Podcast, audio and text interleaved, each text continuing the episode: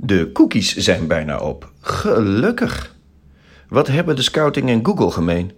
Precies, ze verdienen alle twee goed geld met het verkopen van cookies. De Scouting in de USA alleen al 800 miljoen dollar jaarlijks. Maar op de advertentiecookie lijkt straks toch echt niet meer getrakteerd te gaan worden. Heftig als je nagaat dat Google daar toch behoorlijk nog meer zelfs dan de Amerikaanse padvindersmeisjes financieel van afhankelijk is qua inkomsten. Dus nu zelfs Google in Chrome het bakken van cookies steeds verder gaat reguleren, mogen het duidelijk zijn dat deze datasnack straks net als de Flash-animatie, de Flippo en de Marlboro Man in het reclamemuseum bijgezet mag worden. Dat zal een behoorlijk gat slaan, zo op ooghoogte in het digitale snoepschap van de marketing en mediapatisserie, waar de marketeer van vandaag zijn haar reclamelekkernijen inkoopt. Maar moeten we daar verdrietig om zijn?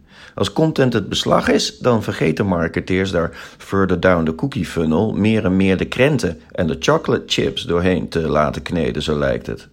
Van 0 tot 10 op de schaal van eye candy. Welk cijfer zou u het u via deze weg aangeboden reclamemateriaal nog geven? Ads die consumenten krijgen opgediend aan het einde van het cookie-kruimelpad, vooral ads van het retargeting soort, zijn vaak zo recht voor de raap. Daar zit weinig show aan. Show waarvoor art directors en copywriters heus de receptuur wel in huis hebben, wordt zo te zien gewoon nog maar weinig relevant gevonden, zo net voor het conversiemoment. Marketeers hebben al lang meegekregen welke consument echt wel in de markt is voor dat ene product, zo in de laatste fase van het aankoopproces. Als we eenmaal dat kantelpunt voorbij zijn, krijg je als consument alleen nog maar variaties op dat specifieke item in die timelines van je social media kanalen voorgeschoteld. Schuin van bovenaf gefotografeerd tegen een witte limbo. De enige verleider die men zich dan nog getroost is een schreeuwerige van voordeel. Is die gunstig genoeg, dan converteren we wel, zo leerden de marketeers uit het bestuderen van de knabbelsporen aan die diverse cookies. Die cookies die dus binnenkort ten reclamegraven gedragen kunnen worden. En net goed, want als marketeers niet meer blind op persoonlijke data varen kunnen, waar dan wel op? Waarschuwing? Als marketeer wil je niet weer die ouderwetse hagelbuks ter hand moeten nemen. Dan krijgen ook kerels weer libresse reclames voor hun snuffert en voor je het weet heb je een meme aan je bloedende neus hangen.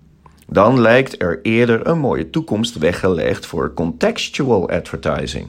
De juiste ads in de juiste omgeving. Vrouwenpower promoting Libresse banners op linda.nl. In de Autoweek een mooie advertorial over hoe Max Verstappen bochten afsnijdt met gilette mesjes. Aangezien de marketeer straks nog helemaal niet weet of je nog wat gekieteld moet worden of direct al in je koopstuip zal schieten, kan de voorgeschotelde ad om die buy-button heen maar beter nog van het fraaie, verleidelijke soort zijn qua scheuigheid. Laten we hopen ook dat de uitgevers hun extra kwaliteitseisen gaan stellen met betrekking tot dat wat het gezicht van hun platform contextually komt verfraaien. Het moet toch smoelen. Dat is win-win voor beide. Het moment is daar. Zeker zodra de cookies op zijn. Power back to creativity.